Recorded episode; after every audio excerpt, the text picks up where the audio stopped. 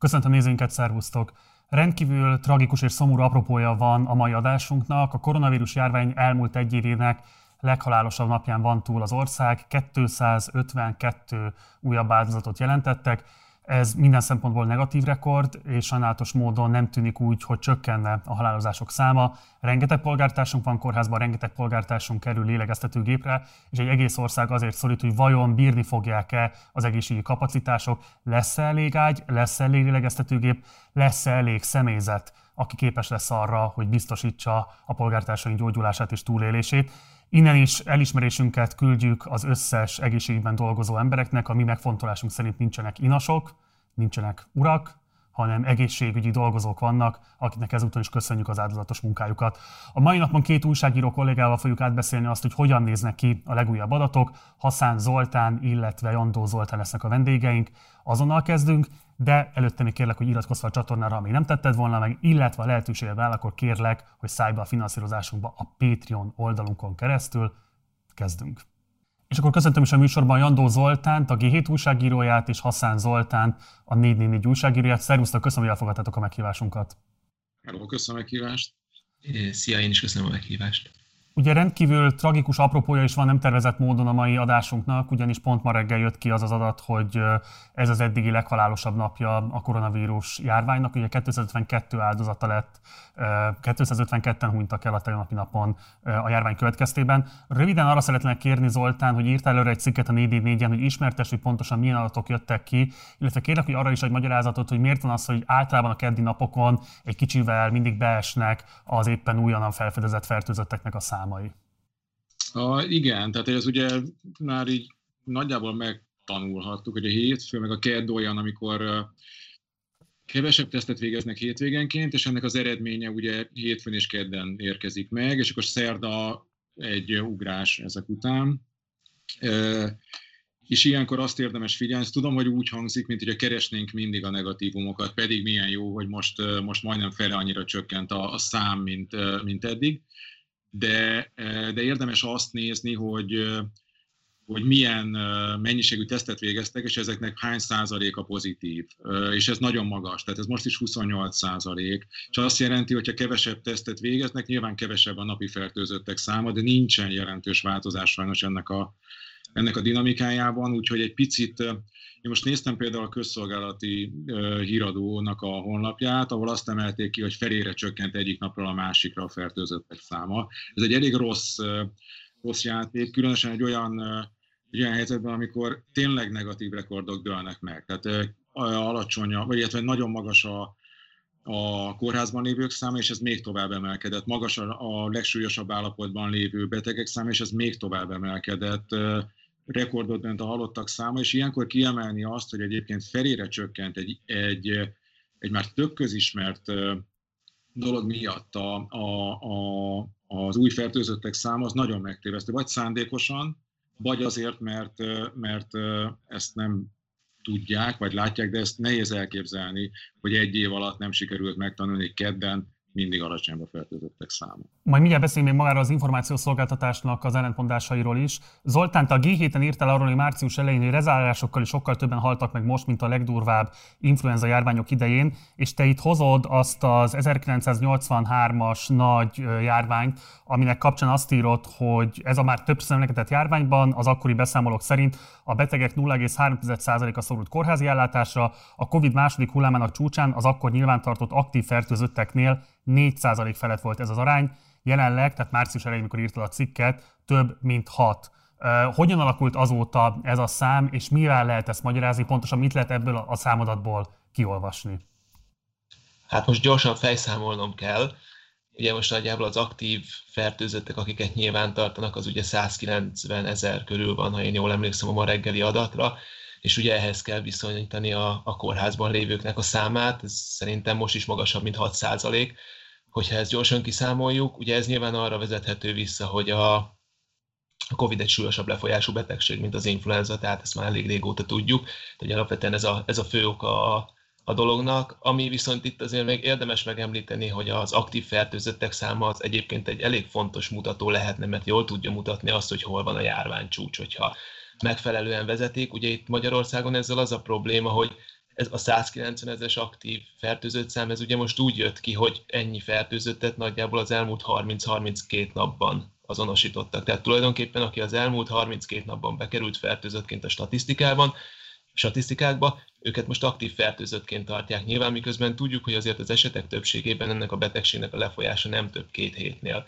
És más országokban megnézzük, akkor ez, a, ez az arányszám, vagy ez a napszám, ameddig szerepelnek, vagy amíg átlagosan benne vannak a fertőzöttek, az aktív fertőzöttek között, ez nagyjából a harmada a Magyarországnak, tehát olyan 10-12 nap. Tehát ez a 6% is úgy jön ki, hogy egy alapvetően felfele torzított aktív fertőzött számból számolunk, tehát valószínűleg még több az, aki arányaiban kórházban van az azonosított fertőzöttek közül. Zoltán, te a 4 vasárnap írtál egy cikket azzal a címmel, hogy átlagosan kevesebb, mint 8 percenként hal meg Covid-fertőzött beteg Magyarországon az elmúlt héten, a ma reggeli cikketben pedig azt írtad, hogy ez most már 6 percenkéntre csökkent.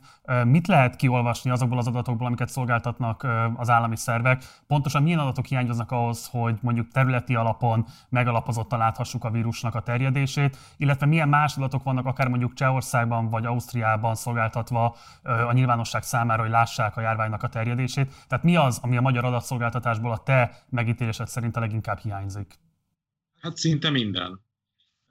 Ugye tényleg alapadatok vannak, és azok is olyan formában jelennek meg a, koronavírus hivatalos honlapján, az egyébként inkább propaganda célokra használt oldalon, hogy, hogy erről külön táblázatot kell vezetni. Tehát nincs egy grafikon, amiből azt látnád, hogy, hogy például ez a 252 új haláleset, ez több vagy kevesebb, mint tegnap volt, több vagy kevesebb, mint egy hónapja volt. Ugyanez a napi fertőzöttekre is igaz, ugyanez a kórház, kórházban lévőkre is igaz, vagy a lélegeztetőgépen lévőkre is. Van egy adat, amit naponta megosztanak, ezt nem teszik grafikonra, nincsen trendvonal, ami egyébként minden országban van. Ez emiatt például ugye nagyon sokan vezetik külön táblázaton ezeket az adatokat. A megyei adatok, amiket kérdeztél, az még furcsább, mert ott kitesznek egy, egy térképet, ahol az összes eddigi, tehát tavaly március 4-e óta az összes regisztrált fertőzött van feltüntetve egy megyén. Ami azt jelenti, hogy akkor ezt ugye naponta kell vezetned, a térképen lévő számokat le kell írnod, majd ez a, ez a térkép eltűnik, és egy teljesen újat tesznek föl másnap. E, hogyha megvan neked a szám, akkor ki tudod számolni, hogy ó, Győr-Sopron megyében, nem tudom, 346-tal emelkedett a fertőzöttek száma.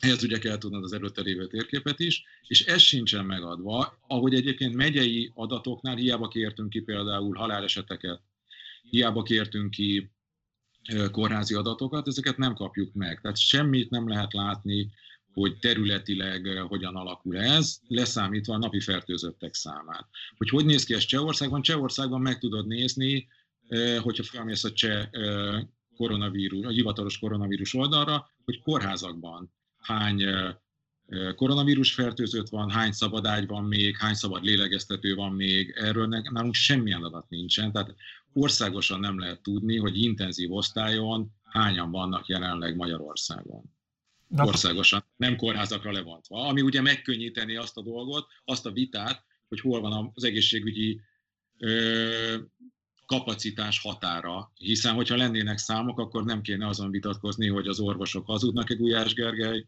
szerint, vagy nem, akik ugye panaszkodnak. De akkor azt jól sejtem, hogy neked a napi munkavégzési rutinod az úgy néz ki, hogy hallgatod az operatív törzs, vagy az éppen aktuális sajtótájékoztatóit a különböző kormányzati megmondó embereknek, és kézzel vezeted egy táblázatba azt, hogy éppen milyen adatokkal szolgálnak, hogy egyáltalán valami fajta közelítőleges képet alkothass a trendekről? Hát ezt egyedül csinálnám, akkor azt hiszem, hogy elég, eléggé megviselne. Szerencsére ezt többen csináljuk. Tehát van nálunk a szurovecillés, a, van a, a Tamás Bence Gáspár, aki a grafikonokat kezeli, van külső segítségünk is, Hidegergő, de hogy ez, egy, ez egyébként négyünknek is egy elég, elég megterhelő feladat naponta, hogy az alapadatokat kell kinyernünk ebből a rendszerből, aminek meg kéne lennie alapvetően, és utána írhatnánk arról cikkeket, hogy vajon az intenzíves kapacitás határ hol van. Tehát, hogyha ezek az alapadatok meglennének, akkor, akkor tudnánk koncentrálni a lényegre. Így is, tehát így is tudunk erre figyelni, csak az alapadatok begyűjtése az tényleg naponta egy, egy, egy elég hosszú idő, és, és utána, hogyha kérdezünk, akkor vagy válaszolnak, vagy nem többnyire nem válaszolnak egyébként a kérdéseinkre. Tehát ugye most például volt a, a, a amikor novemberben, decemberben rákérdeztünk arra, hogy hányan vannak intenzíven, ez egy, azért egy fontos adat, mert a miniszterelnök is erre hivatkozva állapította meg ősszel az egészségügyi terhelhetőségnek a határát, akkor rákérdeztünk, és ak- akkor külön kérdésre elárulták, kormányinfon, nem az operatív törzs, hogy hányan vannak intenzíven. Múlt héten a Gulyás Gergely ezt már nem árult el, azt mondta, hogy ez egy olyan bonyolult adat, amit így nem lehet kiszámolni, novemberben, decemberben még ki lehetett, és most ezt nem árulják el. Hm. Zoltán a G7-en írt el arról szintén még március elején, hogy minden megvan ahhoz, hogy az oltást jól megszervezze az ország, és ezért különösen kínos az, amit látunk, és itt utalsz arra, hogy van ez az úgynevezett elektronikus egészségügyi szolgáltatási tér, ami ugye egy állami fejlesztés. Ugye ennek a lényeg az, hogy az elmúlt évben pont azért építették ki, ezt írott, hogy a betegellátásban a keletkező adatok, dokumentumok könnyen kereshetők és elérhetők legyenek, és a rendszer bizonyos elemei kiválóan működnek. Ugye írott szintén a cikkedben azt, hogy a legutóbbi hivatalos leírás szerint ezt a rendszert több mint 26 ezer orvos és 13 ezer gyógyszertári dolgozó használja, a magánszolgáltatókkal együtt már több mint 22 ezer intézmény fér hozzá, évente 75 millió egészségügyi dokumentumot és közel 180 millió orvos-beteg találkozást rögzítettek benne, és ennek ellenére, vagy pont ezért ugye meglepő, hogy rengetegen kaptak úgy SMS-t, hogy nem feltétlenül kellett volna menniük, vagy már megkapták az oltást, és újra kaptak SMS-t, hogy menjenek oltakozni. Tehát egy teljes káoszt láthattunk itt a vakcina kiosztás és az oltakozás területén. Miért kiderült neked a cikked megjelenése óta, hogy miért nem használja a magyar állam ezt a rendszert, amiben nyilván nagy összegeket investált, és részben egyébként bizonyította is már az életképességét? Szerintem biztos, hogy használják. Most más kérdés, hogy az oltásnál jól használják-e vagy sem. Ott nem, legalábbis az eddigiek ezt bizonyítják. Valószínűleg, tehát a leírás alapján az derül ki, hogy elvileg az EST-ben minden megvan ahhoz, hogy ezeket a dolgokat kezelni lehessen. Most más kérdés, hogy a leírás az mennyiben a valóságot fedi. Hogyha a valóságot fedi, egyébként valószínűleg nagyjából azért fedi a valóságot, akkor tényleg egy elég nagy blama az, hogy ezt nem sikerült megszervezni. Az oka pedig valószínűleg az, hogy nem ezt a rendszert használják elsősorban erre a célra, hanem ugye létrehozták a vakcinainfót, és valahogy ezt a kettőt egyszerűen nem sikerült összehangolni megfelelően, és ez vezetett ehhez a, ehhez a problémához. Ami viszont elég jól látszik, hogy az EST-t például a teszteléseknél valószínűleg elég jól tudják használni. Mi erre többször rákérdeztünk, hogy az illetékeseknél, tehát az illetékes hatóságnál is, aki ugye az EST-t felügyeli, illetve az operatív törzsnél is, hogy tényleg így megye, hogy föltöltik a teszteknek az eredményét az EST-be, és abból sikerül leszűrni. Ők ezt nem erősítették meg, de több helyről is úgy hallottuk, hogy ez így, így zajlik.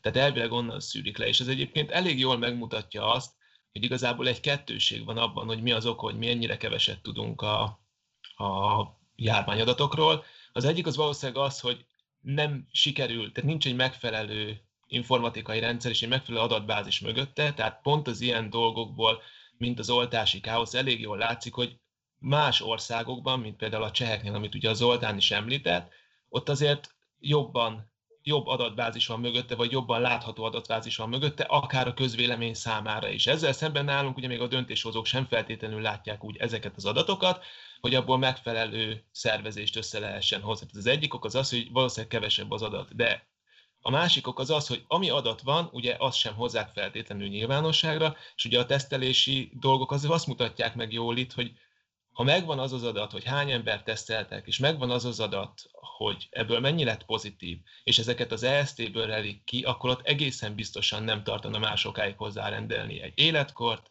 egy lakhelyet, tehát tulajdonképpen olyan demográfiai adatokat, amelyek alapján pontosan meg lehetne mondani, hogy Nógrád megyében a 30 és 40 közötti férfiak körében a teszteknek hány százaléka lett pozitív tegnap. És ugye ebből már lehetne következtetni arra, hogy a járvány akár az ország egyes részein belül milyen helyzetben van, hogyha lenne szándék arra, hogy ezt nyilvánosságra hozzák. Nekem van, bocsánat, nem, nem akarom átvenni a szerepedet, de hogy nekem azért ebben volt, két, két dolgot akarok még mondani. Volt egy, ami engem egy kicsit megijesztett egyébként a, a vakcina információkban, amikor azt mondta Maruzsa Zoltán oktatási államtitkár, hogy arra a panaszra, hogy miért nem oltják a pedagógusokat, ami egy viszonylag érthetetlen dolog egyébként Magyarországon, miközben azért az EU-s tagországok, azt hiszem kétharmadában oltják, vagy előrevették őket, hogy, hogy mondott egy számot, hogy hány pedagógus regisztrált eddig a vakcina, vakcinára, ami ugye elvileg nem, nem lehetne ezt a, ezt a két adatot össze, összefésülni, hiszen van egy vakcina info, és nyilván van egy adatbázis a pedagógusokról, de alig ha van olyan hivatalos adatbázis, ami ezt a kettőt mutatja. Erre rákérdeztünk az MB-nél, de hát nem válaszoltak, hogy ezt vajon a Maruzsa Zoltán honnan tudja. A másik pedig azért azt hiszem, hogy olyan helyzetben, amikor, amikor tényleg rekordokat dönt a kórházban lévők száma, amikor azt lehet hallani, hogy az orvosok arra panaszkodnak, hogy lassan dönteniük kell, hogy kikerül lélegeztetőgépe, kikerül intenzívre, akkor ez egy fontos adat lenne, hogy, hogy milyen túlélési esélyeid vannak, akár megyei kórházakra levontva, hol csinálnák, hol csinálják esetleg jobban és hol csinálják rosszabbul, és miért. És hogyha a kórházak tudnának erről kommunikálni, amit nem tudnak, mert ez meg van tiltva közöttük egyébként, meg az orvosok közötti kommunikáció, akkor javulhatna esetleg a, a túlélési esély is, amiről egyébként nem tudjuk, hogy most mennyi. Zoltán, a G7-es cikked alapján is kérdezem tőled még azt, hogy mit lehet általánosságban elmondani az oltakozási hajlandóságról, és itt lehet elmondani a rendelkezésre álló vakcinák mennyiségéről. Tehát az a tendencia, ami jelenleg látszik az átoltottság területén, az mikorra fog eredményezni egy olyan nyáimmunitást, amit ugye sokan várnak már, és amit korábban nyárra prognosztizáltak a járványügyi szakértők, de a jelenlegi tendenciák alapján van esély arra, hogy az a nagyságrendileg 6 millió polgártársnak az átoltottsága meg tud valósulni, ami ez a nyáimmunitáshoz elviekben szükséges volna? Hát ugye szerintem ez, ez az a része egyébként a dolognak, amit nem csak azért nehéz megmondani, mert ugye az adatközlés nem megfelelő, mert egyébként ugye a, az oltásnak a kommunikációjára kifejezetten nagy hangsúlyt fektet az elmúlt hetekben a, a kormányzat, illetve az operatív törzs, hanem azért sem, mert nagyon keveset tudunk arról, hogy a, az oltás mikor fogja elérni, hogy az oltás átoltottság mikor fogja elérni azt a szintet, hogy ez a tényleg ez a nyáimmunitás meg lehessen. Ugye azt látjuk, hogy hogyan jönnek be az oltások, elvileg azt is látjuk, hogy mennyit adnak be, de hogy ebből szerintem trendeket levonni nagyon-nagyon nehéz, és ami ugye a fő, fő probléma, hogy azt pedig végképp nem látjuk, hogy alkalmas a rendszer arra, hogyha egyszer tömegesen beérkezik nagyobb mennyiségű oltás, amire ugye akár esély is lehetne, mert hogyha egyszer érkezik meg minden, ami leszerződ, amit leszerződtek, vagy amit leterveznek szerződni még a jövőben, akkor előfordulhat ilyen helyzet, akkor ezeket be lehet-e adni egyszerre. Szóval erre a kérdésre szerintem nagyon-nagyon nehéz válaszolni. Ugye pont a 444-en volt egy cikk, az Oltánék írták szerintem talán a hétvégén, hogy nagyjából olyan 3 millió embernek kellene most már védetnek lennie, vagy azért, mert átesett a fertőzésen az elmúlt fél évben, vagy azért, mert megkapta az oltást. Ez elvileg ugye a fele nyilván, ugye, akik átestek a fertőzésen, ők ki fognak esni szép fokozatosan a fél évből kicsúsznak, de közben pedig az oltás azért remélhetőleg gyorsabb ütemben fog haladni de szerintem erre pontos dátumot mondani, vagy akár szerintem hétre, vagy talán hónapra belülni is a mostani adatok ismeretében én, én nem tudnám. De a ti megítélésetek szerint akikkel beszéltétek a cikkeitek írása közben, tartható vagy megalapozottan feltételezhető, hogy nyárra kialakulhat a nyári immunitás Magyarországon, akár az átoltottság, akár a fertőzésen való túlesettség okán? Szerintem az igen. Az, hogy húsvétra meg lesz a két és fél millió ember, az, az már azért egy, az már egy elég optimista forgatókönyv, de az, hogy nyár, nyárra ez meg lehet, ami fontos információ, és nem tudunk, viszont ugye most volt egy adat, amiből ki lehetett nagyjából számolni, hogy a, a második negyed évben jöhet az EU-s közös beszerzésből egy 4,6 millió adag vakcina, illetve 4,6 millió emberre elég vakcina amin ugyan nagyon sok addigra megérkezik a maradék kínai is, ami májusban lenne még egy 3,5 milliós adag.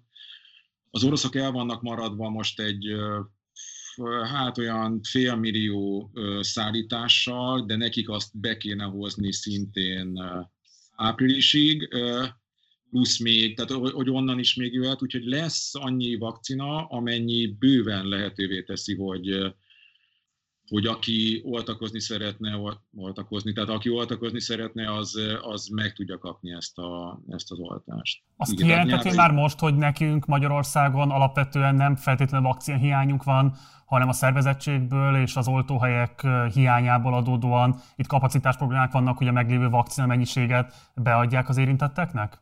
Szerintem nem, tehát az, azért van vakcina hiány. Tehát az hogy, az, hogy ebben vannak ugye látványos hibák, mint volt az AstraZeneca oltás, uh-huh. és hogy, hogy lehet látni olyan oltópontokat, ahol nagyon sokan vannak, és azt hiszem, hogy egyébként az oltópontoknál tényleg hiányzik az, hogy ezeket nem feltétlenül kórházban kellene lebonyolítani, hanem lehetne nagyobb, ott van ma a Budapest Aréna, ami egy hatalmas, vagy szabadtéren, ha tudom, hogy, hogy erőltetetnek tűnik, de azért szabadtéren, stadionokban bőven meg lehetne oldani az oltást és nem kellene ahhoz ragaszkodni, hogy kórházak zsúfolt folyosóin oltsák az embereket, de azért azt nem lehet mondani, hogy, hogy most, most már fürtünk a vakcinában, és ez bénázás miatt nincsen beadva. Zoltán, ti a G7-en, de ez majd a 4-es kollégához is szól, kitartóan követitek a különböző eseményeket a koronavírus magyarországi terjedésével kapcsolatban. Szerintem a legtöbb laikus azt szokta megfogalmazni, hogy hogy lehetséges az, hogy még a második hullámból sem jöttünk ki, ráadásul november óta egy viszonylag szigorúbb ö, ö, kiárási korlátozás, lezárások és így tovább kísérték az életünket, és ennek ellenére így be tudott robbanni a harmadik hullám. Mivel magyarázható az, hogy a meglévő korlátozások mellett ilyen riasztó mértében tudott elterjedni a vírus az országban? Valószínűleg van, aki erre tudja az adekvált választ. Én nekem csak sejtéseim vannak, amire következtettem az adatokból és az eseményekből. Ugye elég egyértelműen azt tudjuk, hogy most a brit variáns az, ami dominál Magyarországon, azt is tudjuk, hogy a brit variáns sokkal gyorsabban terjed, és most már az is egyértelműnek tűnik, hogy a fiatalabb korosztályban is fertőzőképesebb. Én azt gondolom, hogy ami berobbantotta a járványt, az az, hogy a brit variáns elkezdett terjedni, és az olyan zárt közösségekben, amelyekben a Wuhani mutáns, vagy hát az eredeti vírus még kevésbé tudott terjedni, mint például az iskolák, óvodák, bölcsödék, ott valószínűleg sokkal-sokkal hatékonyabban terjedt, és utána pedig a gyerekek, akik ugye ebbe a közösségbe, közösségbe jártak, valószínűleg hazavitték, és így kezdett el terjedni, vagy így robbant be a harmadik hullám. Uh, igen, tehát hogy ugye az látszik, hogy hogy megtörtént az, ami más országban is megtörtént, ahol a brit mutáció terjedt jobban az eredetinél. Szerintem a, a második hullámos védek, az első hullámban azt gondolom, hogy nagyon gyorsan zártunk, nagyon jók voltak az eredményeink. Ezt nem lehet elvitatni egyébként. Lényegében nem volt tömeges terjedése a, a vírusnak. A második hullámnál láthatóan nagyobb önbizalommal ment neki a miniszterelnök a, a járványkezelésnek. Ugye most már nem hiszem, hogy mondaná azt, amit szeptember elején, hogy, hogy a járványkezelés első számú mutatója a halálesetek száma, és itt ugye most már mozgatják is a célokat, és néha nem olyan, mint hogyha már nem góra játszanánk, hanem szögletarányra, vagy mindig valami, valami adatot próbálnak találni, ami alapján el lehet magyarázni, hogy a, jelenleg a világon a legrosszabbak közé tartozó halálozási arány miért nem annyira rossz. A második hullámban már érezhetően későn zártak, és ugye ott az iskolákat nagyon nem akarták zárni.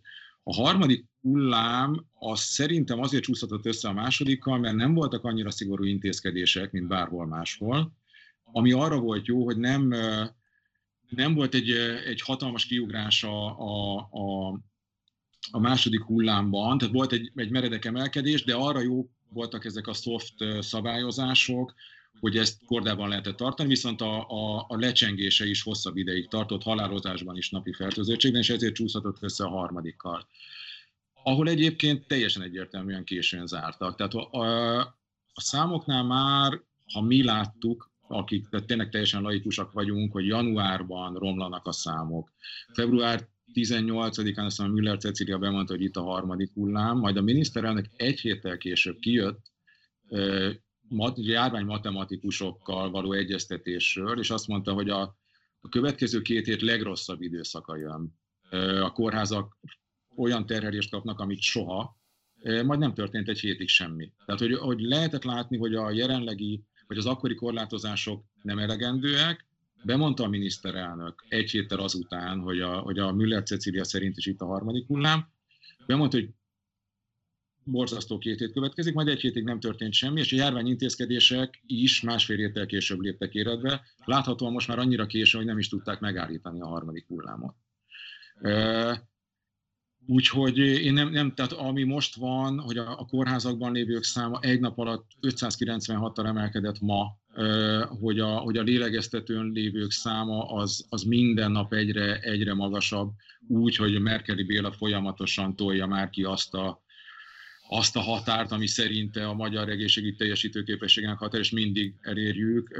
Ez teljesen egyértelműen azért van, mert a harmadik hullám ott látva nem léptek időben további korlátozásokkal, és én most sem látom egyébként, hogy a jelenlegi, bár ilyen fájdalmas, ez nem kívánom egyébként, hogy zárkozunk be, nem vagyok annak hogy senki nem szeretné, hogy ezt sokáig tartson, hogy tovább tartson, hogy ne léphessünk ki az utcára, de az látszik, hogy a mostani szabályozás sem elég ahhoz, hogy, hogy csökkentse legalább a kórházban lévők számát.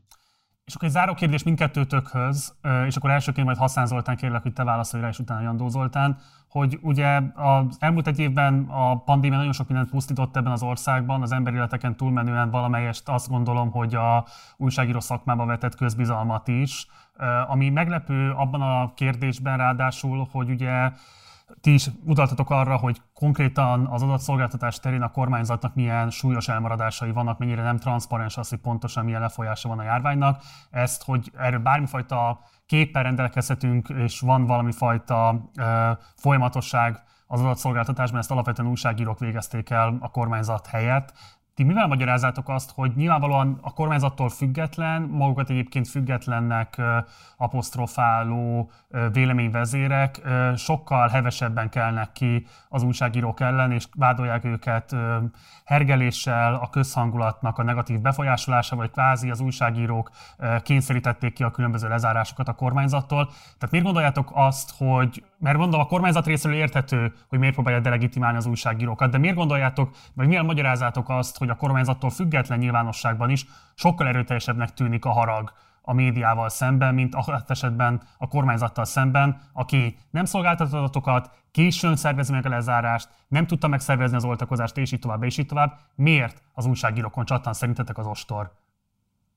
Nyilvánvalóan van egy teljesen érthető frusztráció, elkeseredettség az emberekben. Ez a mostani az, hogy egy éve vagyunk olyan helyzetben, hogy hol kisebb, hol nagyobb mértékben korlátozva van az életünk, hogy emberek veszítik el az állásukat, és, és igazából nyilván azokra irányul a harag, akik erről be. Ki, ki szeret már arról olvasni, hogy megint rekordon van a halálozások száma, hogy megint sokkal többen vannak kórházba, ahelyett, hogy, hogy javuló számokról olvasná, hogy már azt lehetne tervezgetni, hogy, hogy hogyan lehet újra nyitni, és miután a, amit mondtál, hogy miután a kormány ezeket az információkat nem osztja meg, vagy a kormánymédia úgy, ahogy ma például egy ilyen tragikus napon arról számol be, hogy felére csökkent a fertőzöttek száma, ami egy nagyon félre vezető adat, ezért ránk haragudnak, kicsit olyan, mint hogyha az időjárás rendőkre haragudnának az időjárás miatt. Nem tehetünk arról, hogy,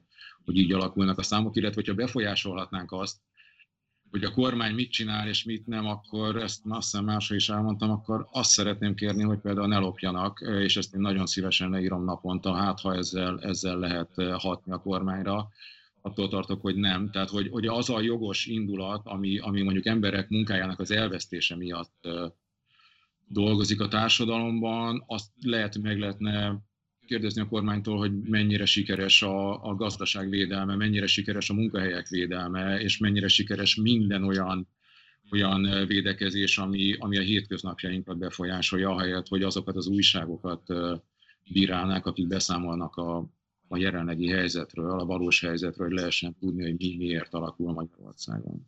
Jandó Zoltán? Hát ugye a rossz hírhozójának a, a nyakába, az, hogy a rossz hírhozójának a nyakába varják azt, hogy rossz hír van, ez egy eléggé ősi reflex, tehát elég régóta láttuk már, hogy ilyen ez történik. Ugye a kormányzat tulajdonképpen ennek a kommunikációnak a kényszerét így azzal, hogy nem közöl adatokat, azzal, azzal ledobta magáról, és hát ugye így egyfajta a kommunikációtól kvázi megszabadult azzal, hogy tartanak naponta egy sajtótájékoztatót, ott elmondják, hogy hány ember volt, aki 500 méternél távolabb eltávolodott a lakásától a kutyájával, tehát az ilyen relatíve fontos adatokat egy hasonló járványhelyzetbe, de azt nem, hogy, hogy milyen problémák vannak, és hogy ezek milyen tényleges problémák vannak, és hogy ténylegesen hogyan állunk a járványkezelésben. És ugye ennek, ennek a fő oka, vagy a fő legfontosabb olyan következménye, ami nagyon problémás, az az, hogy tulajdonképpen ilyen teljes bizonytalanság van. Tehát míg ott, ahol hivatalos szervektől kapnak az állampolgárok adatokat arról, hogy pontosan hogyan áll a járvány. Meg tudják nézni egy adott honlapon, hogy éppen tegnap mennyi volt a fertőzöttek száma, mennyi volt az aránya a teszteknek, ami pozitív lett, mennyien haltak meg. Ott egy térkép, ahol látják, hogy az adott megyében éppen mi a helyzet. Látják azt, hogy hol, hol tartunk a járvány felfutásában. Ott vannak olyan adatok, amikre építkezve azt mondhatják, hogy hát igen, ezeket hivatalosan közik. Persze a hivatalos adatközlésben is lehet bizalmatlannak lenni, de hogy azért az mégis egy más helyzet, mint hogyha ilyen nem létezik, és egy alapvetően megosztott sajtóból értesülnek, és vagy elhiszik, amit ír a sajtó, vagy nem hiszik el, amit ír a sajtó. Tehát tulajdonképpen azzal a kormányzat, hogy nem közel adatokat, egy nagyon-nagyon nagy fokú bizonytalanságot tart fent, ami politikai szempontból lehet, hogy előnyös, járványkezelési szempontból viszont nagyon-nagyon nagy probléma. Jandó Zoltán, Hasszán Zoltán, köszönöm szépen, hogy itt voltatok velünk, köszönöm szépen, hogy elmondtátok mindezt. Mi is köszönjük. Sziasztok! Sziasztok! Ez volt már a Partizán, hogyha bármilyen kérdésed, észrevételed lenne az elhangzottakkal kapcsolatban, akkor várunk a komment szekcióban. Ha még nem iratkoztál volna fel a csatornán, akkor mindenképpen tedd meg, illetve a lehetőséged van, akkor kérlek, hogy szállj be a finanszírozásunkba a Patreon oldalunkon keresztül. Van még egy Facebook oldalunk, illetve egy Facebook csoportunk, és utóbbinak Partizán társalgó a címe, oda is várunk, és akkor tudunk vitatkozni az éppen aktuális témákról. Instagramon Partizán Politika címen találhattok meg bennünket, illetve ha nem szeretnétek nézni, hanem inkább hallgatnátok a Partizánt, akkor azt is megtehetitek, az összes nagyobb podcast platformon fenn vannak a napi adásaink. Munkatársaim nevében köszönöm szépen a figyelmeteket, hamarosan találkozunk, addig is, ciao.